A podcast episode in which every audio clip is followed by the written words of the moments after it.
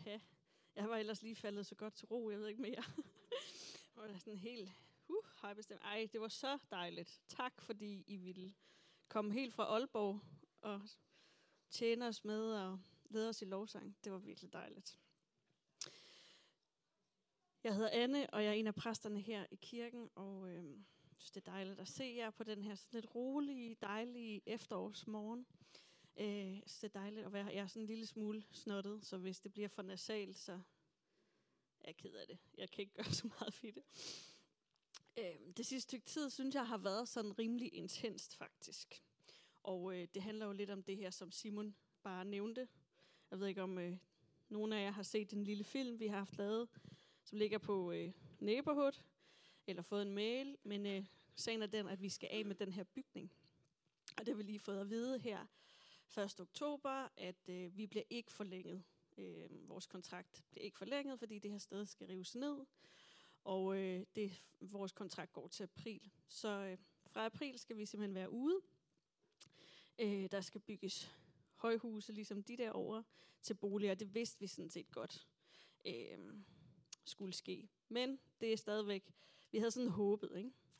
Hvis du nu er gæst eller ny her og synes, at det her det er sådan lidt mærkeligt at skulle snakke om, så, øh, så er det bare fordi, det fylder lidt meget for os. Øh, så jeg håber, at du vil bære lidt over med os. Det fylder lidt i vores fællesskab, så det siger jeg lige lidt om.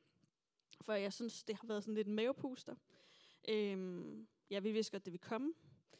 Men ikke, at det skulle være lige nu, vel? Vi, vi, lige, vi synes lige, at vi har sådan fundet ud af, hvordan vi skulle bruge det her sted, og begyndt at udnytte virkelig øh, det her steds fulde potentiale. Vi har været her lige lidt under to, to år nu, og at der har været corona og alt muligt. Øh, og så, er der også bare, så har vi bare været så glade for at være her. Ikke? Der er blevet øst vildt meget øh, tid og energi og kærlighed i det her sted. Vi har allerede sindssygt mange gode minder her, og øh, ja, og så var det også bare sådan et, et sted, som vi virkelig oplevede øh, øh, var en gave fra Gud. Øh, da vi øh, fik det her sted, var der bare så mange sådan, øh, gudfældigheder, hvis I ved, hvad så noget er. Det er når noget er tilfældigt, men man lidt har fornemmelsen af, at det er Gud, der har en finger med i det. At, øh, at han ligesom åbnede nogle døre og fik det her til at sted til at, at falde, øh, falde i hak for os. Øhm, og det har været virkelig en gave. Men vi har også tro for, at han, øh, han nok skal gøre det igen. At han nok skal sørge for os. Men vi kan godt opleve, at tingene bliver sådan lidt shaky. Det kan jeg i hvert fald, når fremtiden den bliver lidt uvis. Og det kan jo være på alle mulige andre områder også, at, øh, at vi står i noget, hvor vi ikke helt ved, hvad der skal ske. At vi har en masse ubesvarede spørgsmål. Øh, jeg kan i hvert fald godt sådan lige nu være sådan et ramt af, jamen, hvor skal vi så hen, Gud? Øh, kan vi få noget, som er lige så fedt, lige så dejligt sted at være? Øh, hvad har vi overhovedet råd til? Vil kirken nu også hænge sammen, nu hvor vi ikke har en fast base? Øh, får vi noget nyt til tiden, eller skal vi ud i en eller anden midlertidig løsning? Skal vi tilbage på stakladen, hvor vi var før? Og hvordan kommer vores øh, hverdag til at se ud? Men det overfører faktisk også nogle sådan lidt dybere spørgsmål, sådan lidt mere eksistentielle spørgsmål, tror jeg. Øh, sådan, hvor er vi på vej hen som kirke? Skal vi noget nyt? Skal vi noget anderledes? Øh, er vores fællesskab mund mere end den her bygning? Det håber jeg. Men hvad er vi så uden for den her bygning? Hvad vil Gud med os i den her tid? Og er der noget særligt, han gerne vil forme os? Og øh, det har været sådan egentlig lidt nogle intense uger, det her. Øh, og vi begyndte at undersøge en masse ting, og prøve at finde ud af, hvad, hvad kunne der være for os, og overveje alle de her muligheder. Og jeg har bare haft sådan et stort behov for at høre Guds stemme. Mærk hans ledelse og finde ud af, hvad er det Gud vil. Hør hans stemme og mærk, at han er med os. Og midt i alt det her intense og i alle mine spørgsmål, så har jeg bare mærket Guds nærvær på en helt særlig måde. Og det er muligvis fordi, at der er flere af jer, som beder for alt det her, beder for os og alt det, der sker. Jeg har bare oplevet sådan, at øh, han svarer på mine spørgsmål. Og det er egentlig med tre ord, som er blevet ved med sådan bare at ringe i mig. Hver gang jeg har haft et nyt spørgsmål. Gud, hvad med det her? Så, øhm, så har de her tre ord kommet. Bliv i mig. Det har han sagt. Bliv i mig, Anne. Bliv i mig. Og det er jo næsten provokerende, ikke? fordi det svarer jo ikke på noget. øhm, hvor vi skal være, eller alt det der. Men det svarer alligevel på det hele. At jeg skal blive i ham. Når alt er uvist, når det føles som om, at alt er uden for min kontrol, så er svaret, bliv i mig. Og det skal vi dykke ned i i dag. For jeg tror ikke, at det kun er svaret på alle mine spørgsmål. Jeg tror faktisk, det er svaret til os alle sammen. Hele verdens spørgsmål. Alle vores spørgsmål. Så det skal vi kigge nærmere på, hvad det handler om. Men øhm, først så vil jeg lige bede. Jesus, tak fordi du er her med din ånd. Fordi du kommer os i møde, og fordi at du kalder os til at forblive forbundet med dig. At du kalder os til en relation med dig. Du vil os. Og bær sådan om, at vi hver især må, i dag må høre det kald. Høre, at du kalder på os, og at du svarer på vores spørgsmål. Og at du øh, griber os. Enten det er, at vi kommer ind ad døren med øh, en masse gode idéer og gode vibes, eller der er øh, tunge byrder, vi bør på bekymringer eller ting, der er svære. Jesus, vil du bare vise os, hvordan at du er her for os i dag, og komme os i møde og bære os. Amen.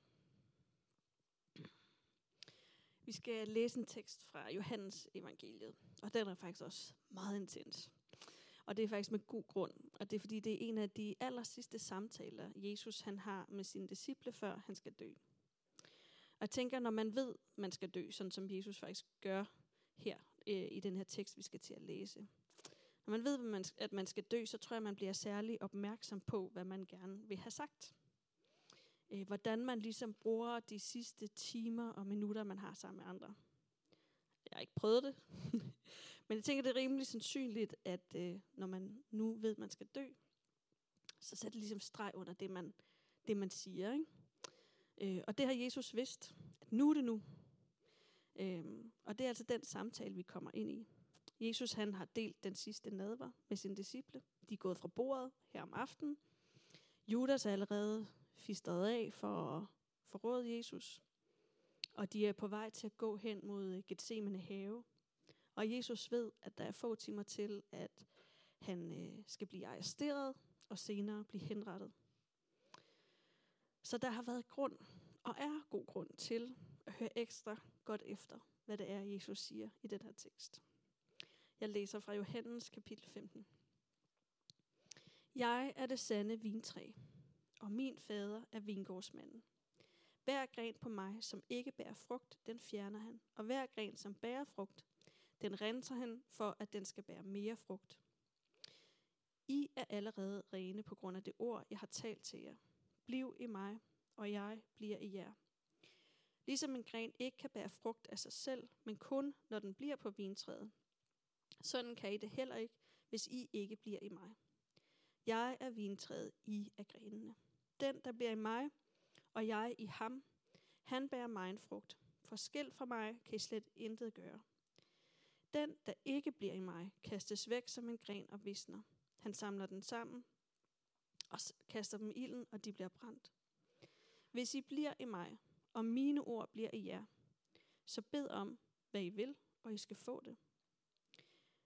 Derved herliggøres min fader, at I, som bærer mig en frugt, at I bærer meget frugt og bliver mine disciple. Som faderen har elsket mig, har jeg også elsket jer. Bliv i min kærlighed. Hvis I holder mine bud, vil I blive i min kærlighed, ligesom jeg har holdt min faders bud og bliver i hans kærlighed. Sådan har jeg talt til jer, for at min glæde kan være i jer, og jeres glæde blive fuldkommen. Jeg ved ikke, om I lagde mærke til, hvor mange gange Jesus siger, bliv i mig i den her tekst. Det er over 10 gange. Det græske ord, som bliver brugt for det her bliv i, det er ordet meno. Og det kan oversættes på forskellige måder. Det kan oversættes med leve i, eller have hjem i, eller forblive forbundet med, eller dvæle i. Så altså meno, bliv i mig, det kan også oversættes, have et hjem i mig, væl i mig, lev i mig, forbliv forbundet til mig. Forbliver vi forbundet i ham, så vil vi bære frugt. Det er det, han siger. Og den frugt, kan vi læse senere, det er kærlighed, glæde og fred. Det er altså det budskab, som Jesus understreger og gentager de her sidste timer, inden han skal skilles fra sine disciple, blive henrettet og dø. Det er de sidste samtaler, Jesus bruger på at snakke om det her. At bliver vi i Jesus, forbliver vi forbundet i ham, så vil vi, han lover det faktisk, opleve en dyb glæde, være forankret i kærlighed og modtage fred. Man kan også kalde det det evige liv, eller strømme af levende vand. For bliver vi forbundet med Jesus, så vil han forvandle os til et liv i større kærlighed, med glæde og fred. Rimelig intenst. Rimelig vildt. Og på den måde, så svarer det på alle mine spørgsmål. Og måden vi opnår at vokse i kærlighed og opleve dybere glæde og fred, af ved at have et hjem i ham. Men hvordan gør man så lige det, ikke? Hvordan forbliver vi forbundet i ham, spørger du måske. Hvordan i alverden, hvordan i den her verden, holder vi os forbundet med Jesus? Det er et helt vildt godt spørgsmål. Og her er det, at det her vintræs billede ligesom kommer ind i billedet på, hvordan livet med Jesus det er. Når han siger, at han er vintræet, eller vinstokken, Gud fader af vingårdsbunden, og vi er grenene. Så den måde, vi forbliver forbundet med ham på, det skal vi se nærmere på med udgangspunkt i det her billede om vinen. Og de fleste af jer, det ved jeg ikke, har måske en idé om, hvordan sådan en vin ser ud. Jeg havde sådan okay selv en idé om det, men i virkeligheden sådan relativt blank på det her med, hvordan man dyrker vin. Jeg er ked af, hvis du nu tænker, ah, men hvis man er præst i en vineyardkirke, så må man da vide sygt meget om vin, ikke? Men altså, jeg er meget glad for min Vivino-app og drik vin, men jeg ved ikke så meget om vin. Men det er faktisk blevet lidt bedre, fordi øhm, da vi kom her til Aarhus, så fandt vi ud af, at øh, man kunne få sådan noget øh, kolonihaver inden for sådan okay afstand af byen. Så vi scorede os simpelthen en kolonihave her i Aarhus i 2018 midt om vinteren. Og der stod der faktisk vin flere steder i haven. Og det var bare mega nice. Vi har fået en anden, vi har fået en anden kolonihave siden. Men øhm, den her, den havde simpelthen vin. Og øh, vi fik den jo her midt om vinteren, og der lå sne og alt muligt. Og den så desværre super død ud, den her vin. Øh, jeg havde ingen forventninger til, at den her plante kunne noget. Den så sløj ud, den havde sådan noget travlet bark over det hele. Jeg ved ikke, har I set en vin om vinteren? Jeg har et billede. Yes, jeg ved ikke, om man kan fornemme det, men sådan, den, de her grene, eller sådan vintræet, det ser bare helt dødt ud. Meget, meget kedeligt ud. Der er sådan travlede bark, og ja. Øhm, jeg havde i hvert fald ingen forventninger til, at der kunne komme noget ud af det her træ. Ikke? Det så bare sort og loddent ud.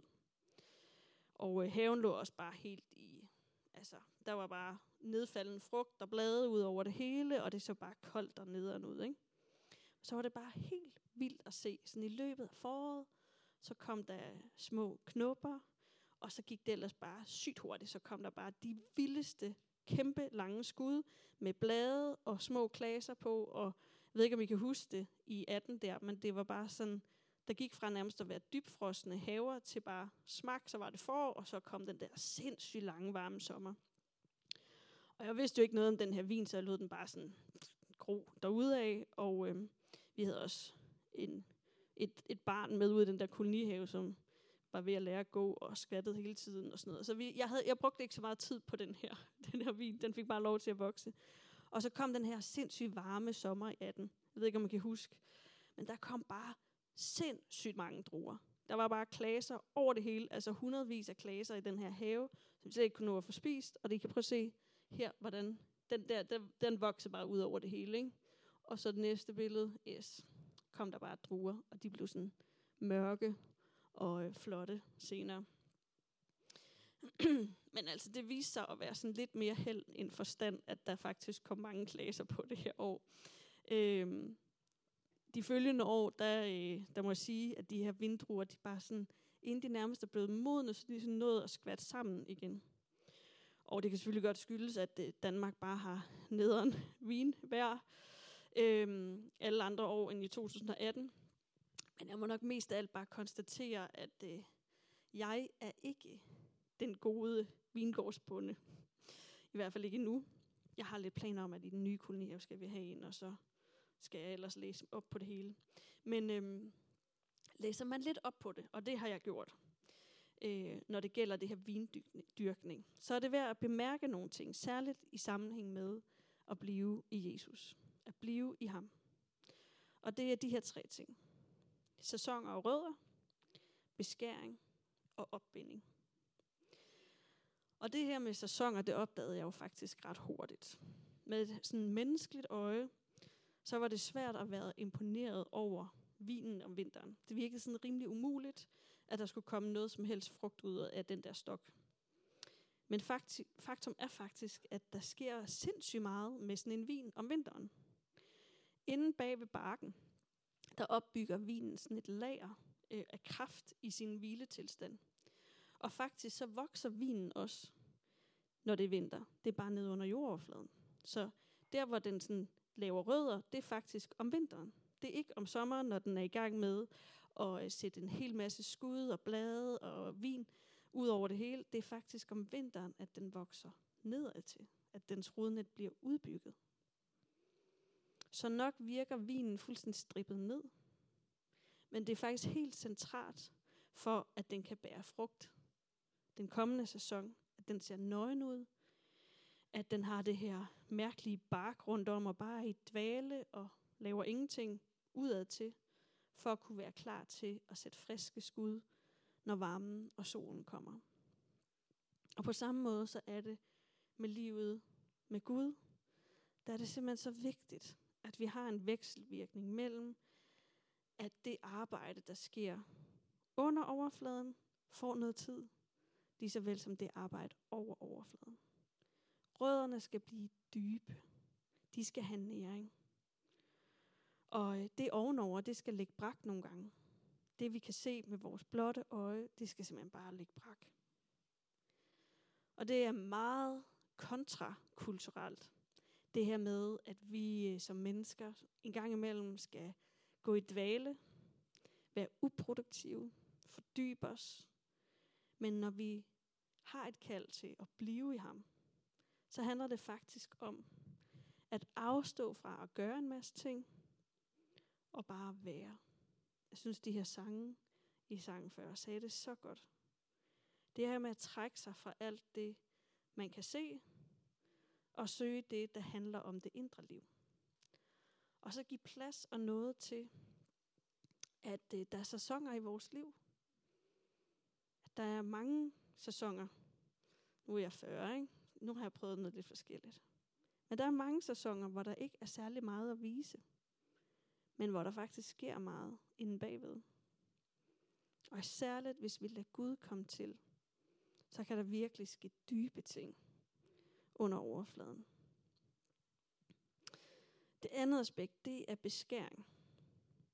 Og det er på en måde lidt af det samme, fordi det handler også om at lade sig begrænse. Men hvor det første... Ui, der er lige kommet en sommerfugl ind. Men det første, det handler om at øh, trække sig, ikke? hvor der handler øh, beskæring om prioritering. Og noget, jeg simpelthen overhovedet ikke fattede det der første år med min, min kære vin, det var, at øh, beskærer man den ikke, så bliver frugten sådan lidt fesen. Så øh, bliver den sådan i bedste fald sådan lidt øh, smagløs og ikke særlig kraftfuld. Men vinen, den skal faktisk have øh, den skal beskæres, for den kan skyde, nogle gange, øh, nu kommer vi ikke derud altid, sådan hele tiden, men den kan faktisk skyde sådan en uge, der kan der godt lige være skudt en halv meter, sådan nogle grene der. Skyder helt vanvittigt sådan en vin i højsæsonen. Den sætter sindssygt mange blade og små vinranker ud på hele grenen, Og den kan blive kæmpe vild og vokse ud over det hele. Det meste beskæring, jeg lavede, var bare sådan for, at vi kunne gå udenom den og sådan komme ind i huset. Ikke? Men den gode vinbonde skær faktisk og beskærer faktisk sin vin hele året rundt næsten. Når man kigger på sådan nogle, øh, det har siddet og kigget på, sådan nogle årsjul for, hvad en vinbonde laver, så er det faktisk sådan helt i januar begynder vinbunden at beskære og videre og videre, sådan hele tiden, hele tiden skære ind og sørge for, at øh, de druer, som er, som skal blive til noget, de skal have saft og kraft. Sådan så, at kraften ikke går til alt muligt andet end den frugt, som skal blive til noget. Og det er måske det allervigtigste princip at lære, hvis vi gerne vil være efterfølgere af Jesus. At vi sørger for, at frugten, som jo er kærlighed, fred og glæde, den rent faktisk bliver dyb og kraftfuld og kan smages i vores liv.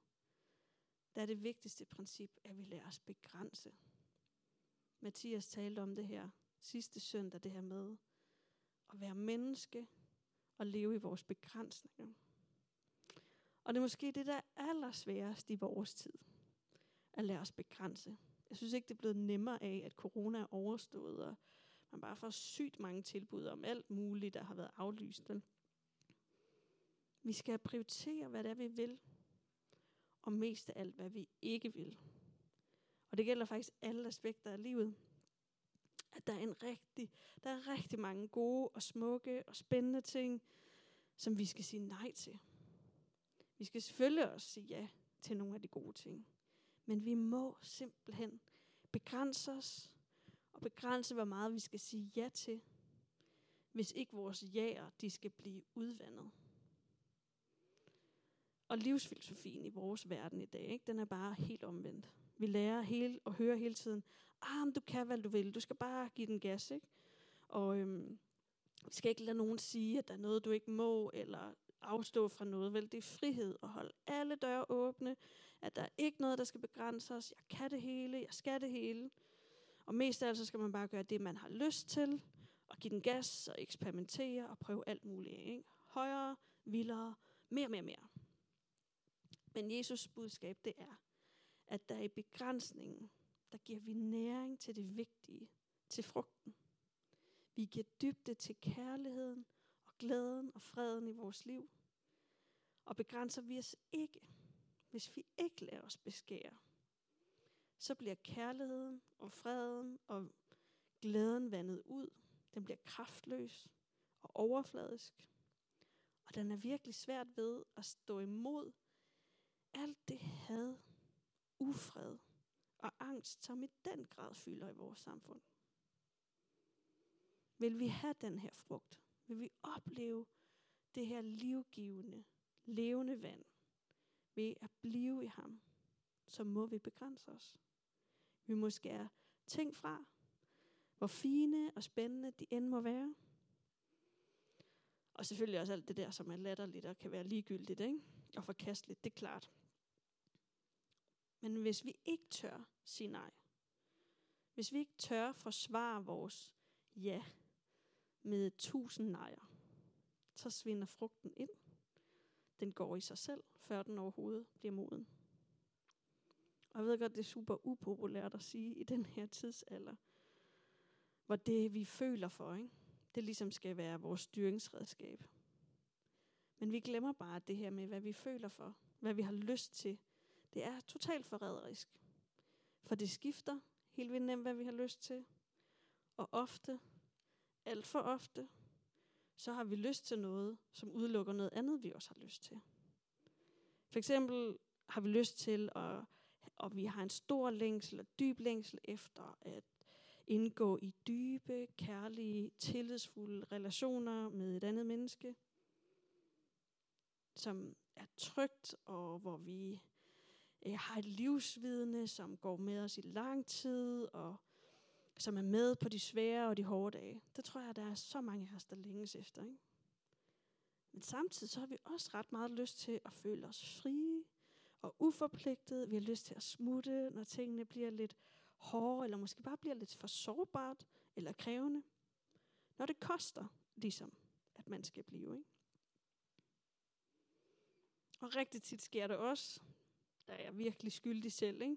at man siger ja til endnu et projekt med nogle fede mennesker, hvor der er en masse god energi, og fede ambitioner, og vilde idéer, og man tænker, ja, det kan bare blive til noget helt vildt. Og samtidig så er der også et andet projekt, som man også synes var helt vildt fedt, og som også havde en masse god energi, og hvor der også var super mange ambitioner, og man tænkte, yes, det vil jeg også gerne, og det var også sindssygt lovende. Men nu lider alle dem, som jeg har sagt ja til over en bred kam. Ikke? Man knokler for at holde begge projekter, eller flere projekter kørende på en gang, og man kan mærke frygten for ikke at slå til, at man svigter flere og flere, og man bliver utroværdig, fordi ens ja i praksis faktisk aldrig bliver fuldt til dørs, eller bliver udvandet. Og angsten kommer til at lure om hjørnet, når man ikke kan nå alt det, man gerne vil, og man ikke kan leve op til sine egne og andres ambitioner.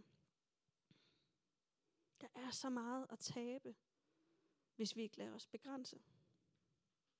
Men begrænsning og beskæring, det er simpelthen nøglen til at blive i Jesus og bære frugt. Den sidste ting er opbinding. For en vin skal trives, så skal den have et net, der løfter den over jorden, for at den kan bære frugt. Og øh, det var vores vin derude i kolonihaven. Den var allerede sådan bundet op på sådan noget, øh, sådan noget stakit noget. Ikke? Og det er faktisk fuldstændig afgørende for planten, at vinen den er bundet op på sådan et net, sådan et hegn som et slags støttesystem, som sørger for, at vinen den får luft, at der kan komme sollys ind, og at der kan skyde grene ud de rigtige steder og i den rigtige retning. Og ved at hæve vinen over jorden, så beskytter man også frugten fra at blive spist af dyr eller få sygdom. Og på samme måde, så har vi simpelthen brug for et støttesystem, som øh, kan skabe den her øh, relationelle connection med Jesus.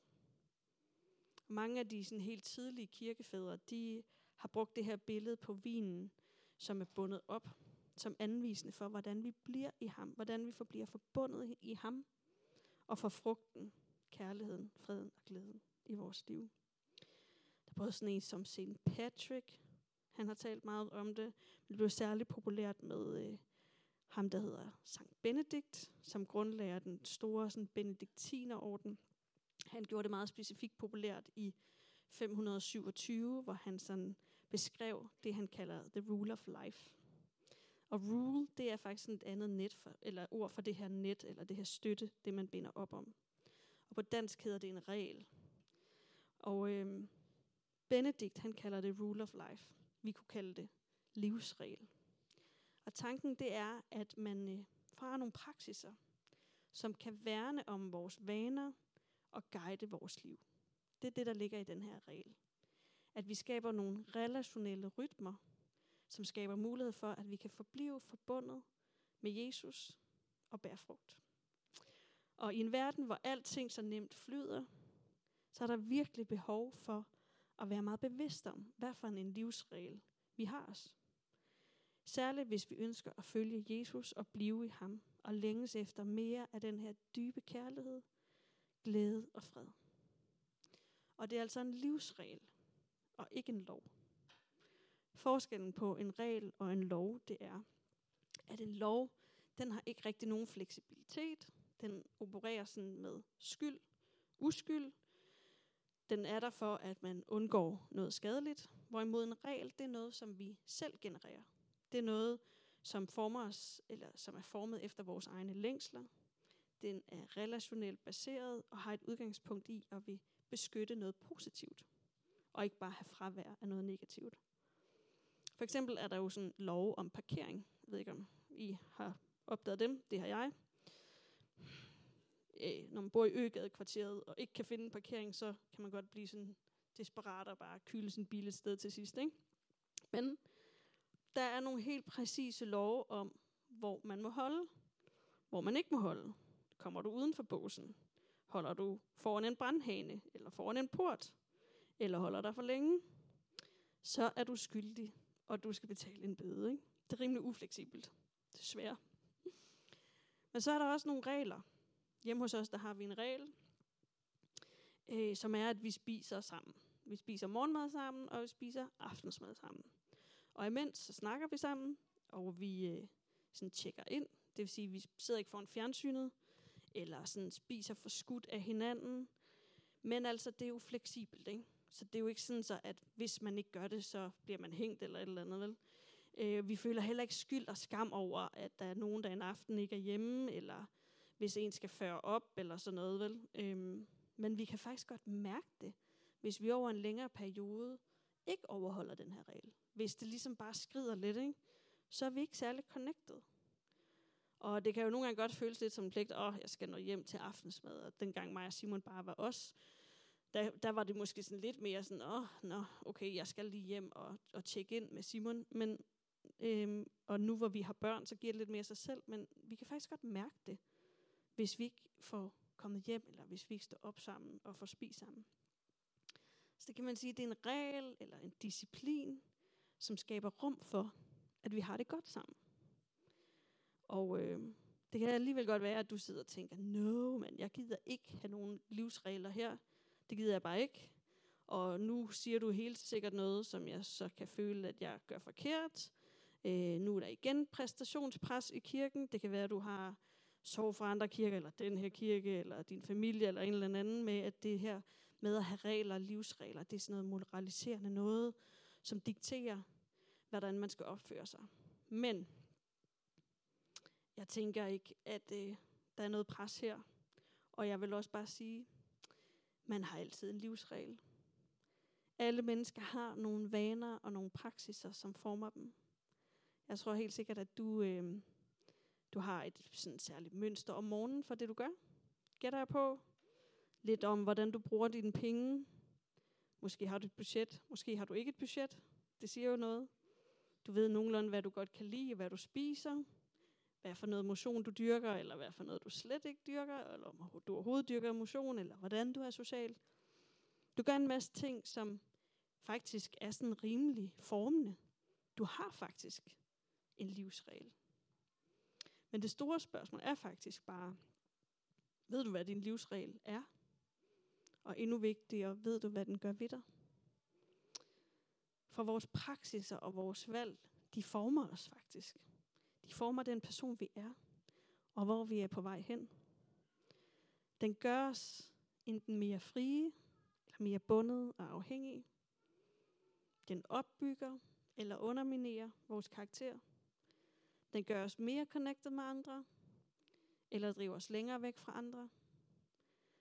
Den gør os mere kærlig, mere glad, mere fredfyldt, eller mere angstfuld, urolig og vred. Vores livsregel vil forme os. Og hvis vi nu skulle blive lidt mere bevidste om, hvad vi gerne vil have, skal forme os, og det synes jeg er vigtigt, og hvis vi nu rent faktisk ønsker og længes efter at blive i Jesus, så kunne vi jo kigge nærmere på at få en livsregel, som former os efter det. Og der vil jeg bare sige, nu kommer, nu kommer der lidt flere ting, som er sådan noget måske lidt mindre taleagtig og lidt mere sådan noget how-to-agtig. Jeg ved ikke, om jeg skal sige velbekomme eller undskyld. nu får jeg det.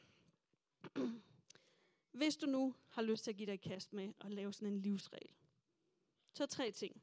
En livsregel skal være noget, som hjælper os med at sætte vores værdier om til realiteter. Altså sådan, så det ikke bare bliver nogle klichéer. Ikke? Det er god den skal også aligne os med vores dybeste længsler. Altså det, der er helt dybt i os. Og øh, der er bare kamp om vores længsler. Det må man bare sige. Der er virkelig mange penge i markedsføring, det ved jeg ikke, om I har opdaget i den her verden, som øh, fueler, hvad det er, vi har lyst til, hvad vi gerne vil. Den øh, lægger simpelthen op til, at øh, vores primal, eller vores sådan, øh, reptilhjerne bliver ansporet, sådan så at øh, vi har lyst til øh, at dominere. Ikke? Vi har lyst til at få tilfredsstillelse. Vi har lyst til at overleve. Det er de her ting, som rigtig meget markedsføring går på. Og øh, distrahere os, os blive online længere tid, end vi egentlig har lyst til. Køb noget mere, sådan så at vi hele tiden får fuelet vores overfladiske længsler. Altså det, vi lige har lyst til lige nu. Men der er nogle dybere længsler. Det, som i virkeligheden skal være de dybe driver i os. Ikke? Reglen livsreglen, den skal tage fat i de længsler. Så vi ikke bliver suget ind af Instagram, eller alt det, vi skal købe, eller at vi lige har set Netflix for evigt. Vel? Men at vi i stedet bliver alignet med det, som former os positivt. Hvor Guds sjæl får lov til at røre vores sjæl, og vi er forbundet med ham. Når vi bruger tid på at legne vores dybeste længsler, som så ofte ikke er tilfældet, med det, som er Guds længsler og vores længsler. Nummer tre. En god livsregel skal give os fred. Ikke? Den der slags dybe shalom, som er der hele året rundt. Den skal ikke bare være sådan en, der stresser os, eller giver os mere præstationsangst, vel? Den skal give os fred. Og så må en øh, livsregel altid være super individuel.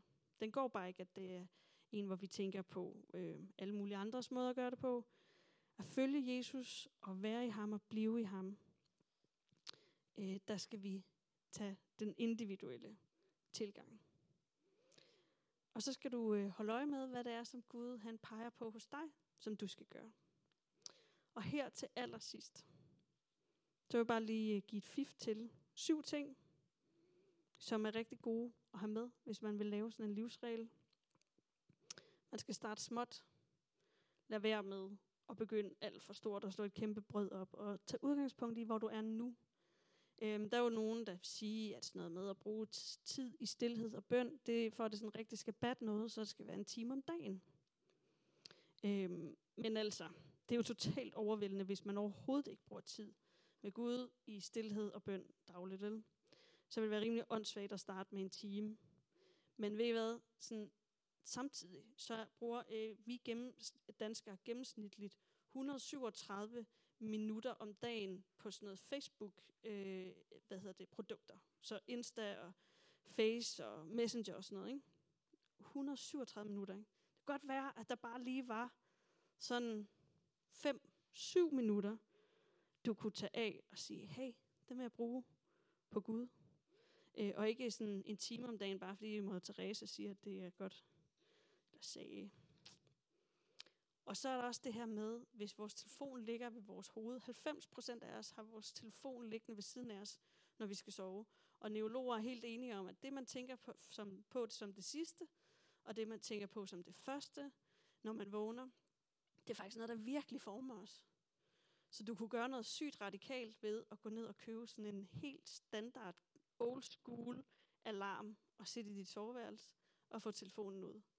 Vi gjorde det derhjemme for sådan øh, halvandet to år siden, og det har bare virkelig gjort underværker. Det der med, at man ikke skal slukke sin telefon, når man vågner, og så lige blive mindet om sådan hov og notifikationer på Aula om et eller andet åndssvagt. Det er sådan noget, øh, nogen ved, hvad det handler om, ikke? Øh, men også bare alt muligt andet, som bare invaderer os. Ikke? Ud og køb sådan en. Det kan jeg virkelig anbefale. Og så i stedet for måske, når du vågner, sæt dig på sengekanten, kig ud i luften. Kig på solopgangen, eller hvad det er lige nu i hvert fald, er der solopgang næsten hver morgen, når jeg står op. Og så øh, sid i Guds nærvær. Brug 3-5 minutter med ham. Lige tjek ind med hans kærlighed til dig hver morgen. Seriøst, det vil ændre dit liv. Og nogle af jer har gået lang tid med Gud. Nogle af jer er helt nye i troen. Nogle er måske ikke engang startet i troen. Tag nu lige bestik af det. Ikke? Lad være med at kigge til højre og venstre. De næste seks vil jeg løbe helt kort igennem. Den næste er at være specifik. Hvis, I skal, hvis man skal lave en regel, som på en eller anden måde virker, så skal man ikke sige, at jeg vil gerne øh, være afslappet noget mere, eller sådan noget. Nej, der bliver nødt til at være sådan lidt mere specifik. Jamen, jeg vil gerne holde sabbat en gang om ugen, eller jeg vil bruge fire minutter i stillhed hver dag. Vær sådan super specifik. Så bliver det til noget. Så handler det rigtig meget om, at vi skal fjerne ting fra vores tid, fra vores schedule, og ikke tilføje ting kun. Det er meget vigtigt, at hver gang vi tilføjer noget, så skal der i hvert fald fjernes noget. Ikke? Husk princippet om beskæring. Og pointen er, at det skal gøre vores liv mere simpelt, øh, og give os plads til vores dybeste længsler. Tag bestik af, nummer tre. Hvad for en sæson du er i. Da altså bare forskel på sæsoner, som jeg talte om før. Har du små børn? Er der nogen, der er syge i din husstand? Eller nogen, du er tæt på? Du skal tage dig af, eller er det dig selv, der er syg? Så have ro på og, og styr lidt dine forventninger efter det. Nummer 5. Tag højde for din personlighed. Vi er simpelthen så forskellige. Nogle møder Jesus i naturen, så gå en tur. Øh, hvis du er mere introvert, hvis du ikke øh, er så ybersocial, jamen så, øh, så brug tid, meget mere tid i stillhed, end at dukke op her. Men gør det. Øhm, nogle er det kunst, andre er det at danse, nogle er det lovsang. Øh, tag bestik af, hvad det er, som der er noget, der fjuler dine længsler. Det, der er godt for dig. Og drop sammenligning. Sørg for, at der er en balance mellem de discipliner, som er med strømmen, og dem, der er mod strømmen. Altså med det mener jeg, altså der er nogle ting, nogle discipliner, som vi har nemt ved. Der er bare noget, som er, det, det fungerer bare for mig. På med dem. Ekstra meget af dem.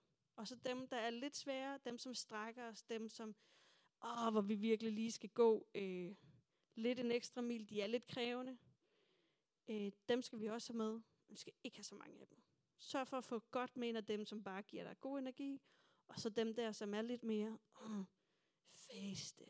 Jeg ved ikke, det kan godt være, at nogle af jer holy people er sådan, øh, det er bare nemt for dig at faste. Jeg synes, det er lidt hårdt. Nogle af dem skal man nogle gange have ind, men øh, ikke for meget, vel? Og så skal det være holistisk. Sørg for, at øh, du tænker, at du er et helt menneske, for det er du. Gud elsker alt ved dig. Alt er åndeligt. Øhm, og sove længe, træning, læse, arbejde, podcast.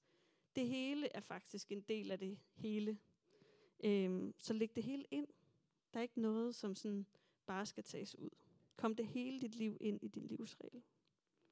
Og så vil din livsregel altid forandre sig. Bliver du gift?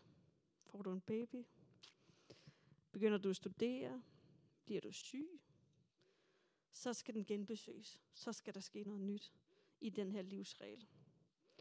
Gør den stadig sit job?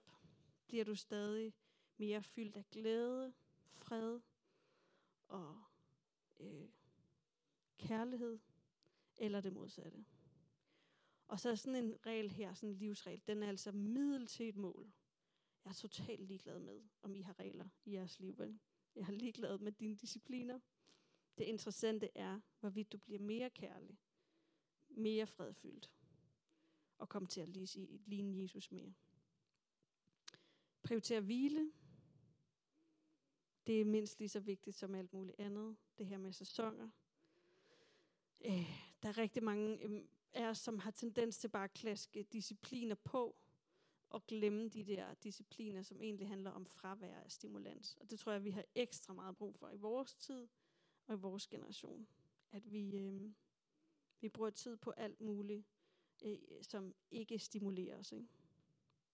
Vi har så lidt ustruktureret tid, og når vi har en smule ustruktureret tid, så er det rigtigt, at vi sidder på telefonen. Ikke? Men jeg ved ikke med jer, om I også oplever, at når I har siddet og scrollet en to timer eller sådan noget, så oplever I bare sådan en dyb fred indeni. Så oplever I sådan en tilfredsstillelse. Dyb tilfredsstillelse. Og jeg tænker bare, ej, nu har jeg bare så meget at give til verden.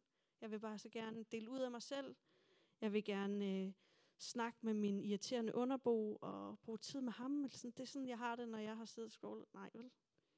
Det gør vi bare ikke. Vi føler os udbrændte og modløse. Så måske skulle vi tage fat der, ikke? Giv plads til det, som virkelig fueler det gode liv med ham. Og oplever du, at du er angst og stresset, og du ikke føler dig connected med andre mennesker, at du øh, har en dårlig søvn, at du bliver suget ind i din telefon, du har dårligt selvværd, du overskrider dit budget hver måned, så er chancen for, at din livsregel, den er off. Hvad enten om du er bevidst om det eller ej. Hvad for en livsregel du har. Der er kamp om vores opmærksomhed, og det, der forsøger at stjæle vores glæde, og vores fred og vores tro på kærligheden, det er der virkelig nok af. Men vi har faktisk mulighed for at arrangere vores dage, så vi forbliver forbundet med Jesus. Og vi kan opleve hans glæde, hans fred og hans tilfredsstillelse og tilfredsstillelse med ham midt i det hele. Midt i alt det, som er uroligt. Og det er kaldet. Og vi skal faktisk til at fejre en nadver sammen nu. Og det er i den grad en måde at lade sig forbinde med Jesus på, sådan helt konkret. Det er en disciplin, det er en praksis, det er en regel, som vi gør, når vi er samlet her, som øh, kan forme dig, når vi mindes det, han gjorde for os. Så jer, der skal dele nadvåd, må rigtig gerne komme herop. Og så øh, håber jeg sådan, at, øh, at alt det, jeg har sagt, og jeg ved godt, jeg har haft super mange punkter i dag, øh, men at du oplever, hvordan det her det er en invitation til at falde til ro, og falde ind i armene på Jesus, falde ind i hans nåde og hans kærlighed, og være forbundet med ham. Og øh, nu vil vi lade os forbinde med ham, øh, sådan som jeg læser op fra her i nadverteksten. Det følgende er, hvad jeg har modtaget fra Herren, og hvad jeg også har givet videre til jer. Den nat, da Herren Jesus blev forrådt, tog han et brød, takkede Gud, brækkede det over og sagde, Dette er mit læme, som gives for jer. Spis det til minde om mig. Efter måltid tog han også vinbæret og sagde, Dette bærer vin af mit blod, som besejler den nye pagt. Hver gang I drikker det, så gør det til minde om mig. Indtil Herren kommer, forkynder I derfor budskabet om hans død, hver gang I spiser af brødet og drikker af bæret. Vi gør det sådan, at I øh, kan få lov til at komme herop, øh, gå enten til højre eller venstre, øh, få brød og vin eller saft, og så gå tilbage til jeres plads, og så indtager vi det sammen, når jeg indstifter det. Så velkommen til nadvær.